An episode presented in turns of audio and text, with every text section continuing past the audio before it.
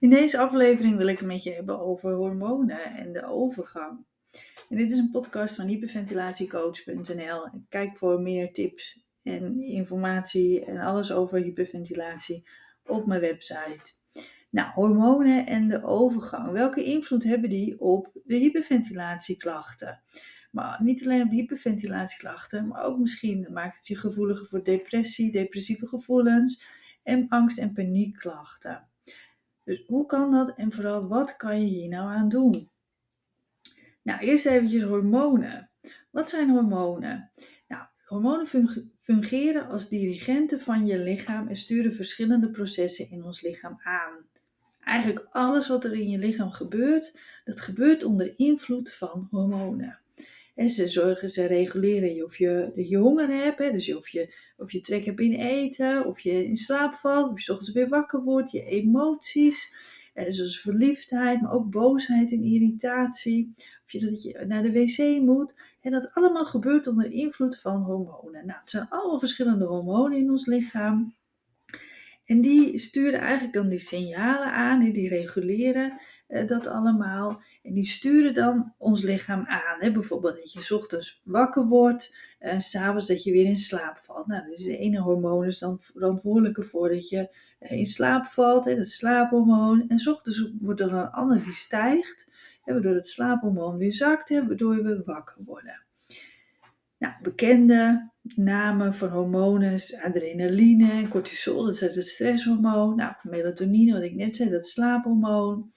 Uh, bijvoorbeeld insuline, die beheerst onze bloedsuikerspiegel. Maar bij vrouwen spelen de zogenaamde vrouwelijke hormonen ook een hele grote rol. En vooral tijdens de menstruatie en later in de overgangsfase. Nou, ongeveer 1,3 miljoen Nederlandse vrouwen ervaren overgangsklachten die doorgaan 7 tot 10 jaar aanhouden. In deze podcast gaan we er dus dieper op in wat de verband is tussen die overgang, maar hyperventilatie en andere stressklachten. Nou, de overgang gaat vaak gepaard met symptomen zoals opvliegers, hartkloppingen, slaapproblemen, angstgevoelens, stemmingswisselingen, maar ook bijvoorbeeld met gewrichtspijnen. Nou, deze klachten kunnen gerelateerd zijn aan hyperventilatie, maar ze kunnen ook rechtstreeks voortkomen uit de overgang. Nou, in heel veel gevallen versterken deze klachten elkaar. Nou, stress is een belangrijke, een belangrijke factor in ons hormonale systeem en kan de balans verstoren. Tijdens en voor de overgang kan stress deze balans nog wat verder ontregelen, wat kan leiden tot de verergering van de overgangsklachten. De overgang markeert de overgang van de vruchtbare naar de niet vruchtbare periode van het leven van een vrouw. Dat gaat gepaard met een afname en uiteindelijk stopzetting van de productie van de vrouwelijke geslachtshormonen oestrogeen en progesteron in je eierstokken. Ons stresssysteem geeft namelijk altijd prioriteit aan stress om te zorgen dat we kunnen omgaan met levensbedreigende situaties. Oftewel, stresshormonen winnen het altijd van andere hormonen omdat die ervoor zorgen dat we kunnen overleven. De stresshormonen zijn dominant. Nou, dus super handig in het geval van die acute stress bij chronische stress echter kan het je hele lichaam uit balans brengen. Nou, als je dan ook nog hormonale veranderingen hebt door de overgang, dan raakt je lichaam dus verder uit balans en kunnen je klachten verergeren of ontstaan. Want je stresssysteem onderscheidt namelijk niet altijd het verschil tussen acute noodsituaties en langdurige stress. En zoals bijvoorbeeld slechte relatie, werkstress en andere aanhoudende spanningen denken we vaak bij stress aan die grote dingen, zoals uh, scheiding, overlijden. Maar je irriteren aan de geluidsoverlast van je buren, um, onzeker zijn over je prestaties op, op het werk. Misschien een niet zo goede relatie met je, met je, met je, met je kind, met, je, met de aanhang daarvan, hè, met de schoonfamilie uh, je zorgen maken over de financiën. Dat zijn ook allemaal factoren van stress. Nou, dan tijdens die overgang nemen die eierstokken geleidelijk de productie van het vrouwelijke hormoon neemt af, hè, terwijl de bijnieren dan meer stresshormonen gaan produceren. Dus hebben we nog wat meer stresshormonen in ons lichaam. Nou, het vrouwelijke hormoon progesteron heeft een structuur vergelijkbaar met het stresshormoon cortisol. En bij langdurige stress wordt de productie van progesteron geremd wat tijdens de overgang kan leiden tot de verergering van die klachten. Naast deze hormonale verschuivingen kunnen factoren zoals slecht slapen, angst en stress bijdragen aan de reeds bestaande symptomen. Stresshormonen zoals adrenaline en cortisol hebben een functie bij acute stress. Maar bij chronische stress kan het gewoon heel vervelend zijn en je klachten geven. De verhoogd cortisolgehalte verstoort verschillende processen in het lichaam. En dat kan leiden tot de opslag van buikvet, slaapstoornis door de verstoring van melatonine, een vermindering van gelukshormonen zoals serotonine, maar ook een verstoring van je eetlustregulatie. Nou, vrouwen boven de 40 zijn bijzonder vatbaar voor stress, aangezien de bijnieren na stresshormonen ook extra oestrogeen en progesteron produceren. En dit komt doordat de eierstokken langzaam stoppen met de productie van deze hormonen tijdens de overgang. Het verminderen van stress en goed voor jezelf zorgt zijn daarom van groot belang voor vrouwen in deze levensfase. Nou, voor iedereen natuurlijk, maar nog een beetje extra dus eigenlijk als je boven de 40 bent. Nou, wanneer we stress terugbrengen tot de kern, dan draait het vaak om angst. Angst is heel waardevol in levensbedreigende situaties, omdat het je scherp houdt en helpt te overleven. Maar stresshormonen zoals adrenaline en cortisol worden in tijden van stress afgegeven. Terwijl ze nuttig zijn bij acute situaties, zijn ze dus schadelijk als ze voortdurend in het lichaam aanwezig zijn door aanhoudende stress. Maar waarom heb je dan in de overgang meer klachten van angst, paniek en depressie bijvoorbeeld? Hè? Nou, veel vrouwen ervaren dan veel meer klachten tijdens de overgang. En deze emotionele en psychologische symptomen worden vaak toegeschreven aan de hormonale veranderingen die plaatsvinden tijdens deze levensfase. Nou, ik zal wat verschillende mogelijke oorzaken met je bespreken. Nou, die hormonale schommelingen. Tijdens de overgang ervaren vrouwelijk aanzienlijke hormonale schommelingen. De afname van het vrouwelijk geslachtshormoon zoals oestrogeen en progesteron kan een impact hebben op de chemische balans in je hersenen. Deze hormonen spelen een rol in het reguleren van stemmingen, emotie en cognitieve functies. Nou, cognitieve functies is bijvoorbeeld je geheugen en je concentratie. Nou, een daling van deze hormonen kan leiden tot stemmingswisselen, maar ook verhoogde gevoeligheid voor stress. En zo komen we dus in zo'n vicieuze cirkel. Nou, neurotransmitters spelen ook een rol, want hormonale veranderingen kunnen invloed hebben op de niveaus van neurotransmitters in je hersenen, zoals bijvoorbeeld serotonine, dopamine en noradrenaline. Deze neurotransmitters zijn betrokken bij het reguleren van emoties en stemmingen. En een disbalans in die neurotransmitters kan bijdragen aan gevoelens van angst, depressie en paniek. Ook kan de overgang, die gaat vaak gepaard met slaapproblemen, slapeloosheid en nachtelijk zweten. Een gebrek aan slaap kan leiden tot vermoeidheid, prikkelbaarheid en emotionele instabiliteit, wat op zijn beurt weer kans weer kan vergroten op angst en depressie nog zo'n vicieuze cirkel dus. Nou, verder zei ook mee dat fysieke veranderingen die optreden tijdens de overgang, zoals opvliegers, gewichtstoename, verandering in je huid, kunnen ook het zelfbeeld van, je, van veel vrouwen beïnvloeden. En dit kan resulteren in gevoelens van onzekerheid, wat weer kan bijdragen aan angst en ook in weer een depressie. En dat je gewoon een heel negatief zelfbeeld krijgt. En we weten natuurlijk ook dat negatieve gedachten ook weer invloed hebben op stress. Nou, naast hormonale fysiologische veranderingen kunnen ook psychosociale factoren een rol spelen. De overgang kan samenvallen met andere levensgebeurtenissen, zoals kinderen die het huis verlaten, ouders die meer zorg nodig hebben en nog veel meer. Dus er verandert vaak ook in die periode ook nog eens heel veel in je leven. En die veranderingen kunnen ook weer stress en extra belasting veroorzaken. Nou, de overgang zelf kan ook een psychologische stressvolle periode zo worden ervaren. Vrouwen kunnen zich bezorgd maken over de veroudering, gezondheidsproblemen en andere aspecten van je leven. En die psychologische stress, nou, die zorgt natuurlijk weer voor extra stress. Nou, en hoe zit het dan met die hyperventilatie?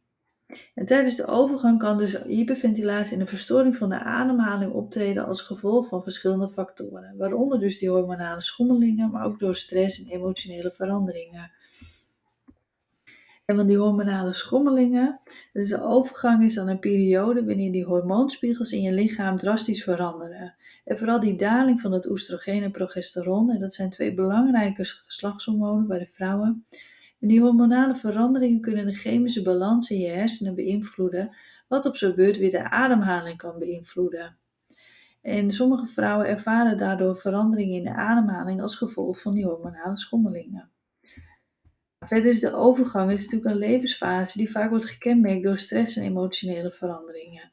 Nou, het kan zijn dat je zorg maakt over de symptomen van de overgang, eh, dat je veranderingen merkt in je lichaam, eh, de rol in je gezin, andere levensomstandigheden.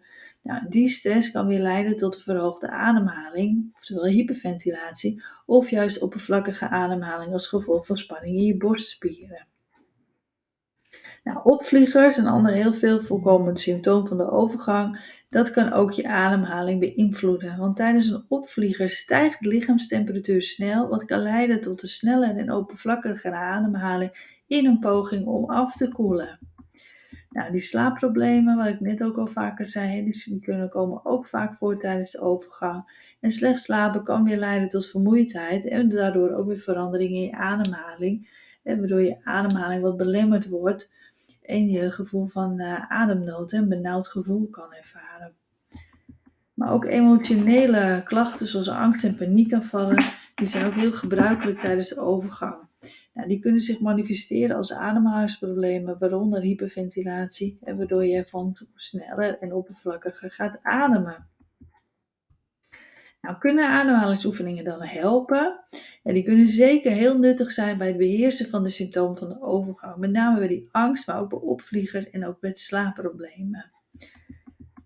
Hoe kunnen ademhalingsoefeningen helpen? Nou, daar ga ik nog wel dingetjes over vertellen. Nou, ze verminderen natuurlijk stress. En tijdens de overgang ervaren veel vrouwen verhoogde stressniveaus als gevolg van hormonale schommelingen en die psychische impact van deze levensfase. Nou, ontspannende ademhalingsoefeningen kunnen helpen om stress te verminderen door het activeren van het parasympathische zenuwstelsel, wat ontspanning bevordert. dit kan gevoelens van angst en spanning verminderen.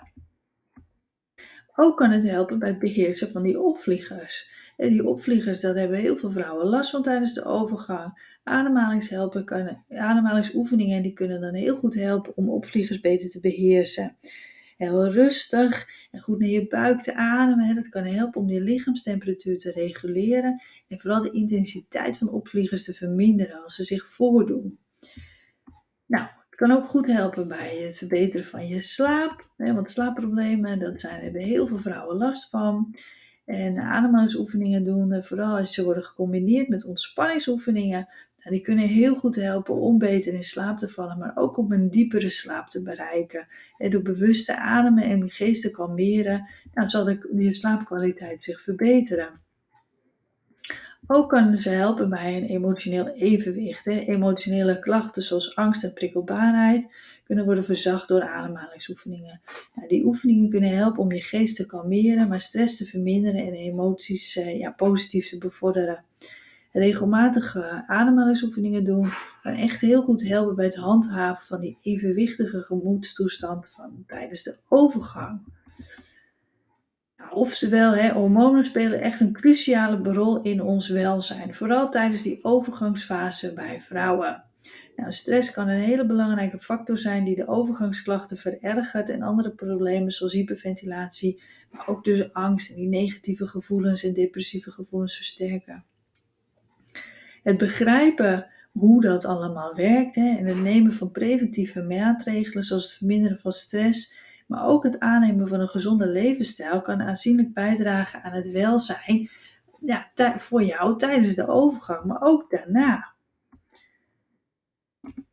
Dus heel veel vrouwen die overgangsklachten ervaren, er zijn een aantal dingen die belangrijk zijn om even in gedachten te houden. En ten eerste is het belangrijk om stress natuurlijk zoveel mogelijk te vermijden. Nou, dat kan je doen door goed te leren ontspannen, hè? ontspanningstechnieken, ontspanningsoefeningen toe te passen. Maar ook regelmatige lichaamsbeweging is heel erg belangrijk. Maar ook het hele nastreven van een gewoon een gezonde levensstijl. Hè? Maar ook het vermijden van triggers zoals roken, koffie, overmatig alcoholgebruik kunnen ook een positieve invloed hebben op je, op je klachten. En een uitgebalanceerd dieet met veel groenten en regelmatig beweging, dat heeft dus weer een positief effect. Hè? Dus het vermijden van roken, koffie en alcohol, dat dat gewoon een, vaak niet zo'n positieve invloed heeft op de angst- en hyperventilatieklachten, maar ook niet op die hormonen. Uh, maar daarentegen is natuurlijk wel gewoon een heel gezond, ja, gezonde voeding is gewoon heel erg belangrijk.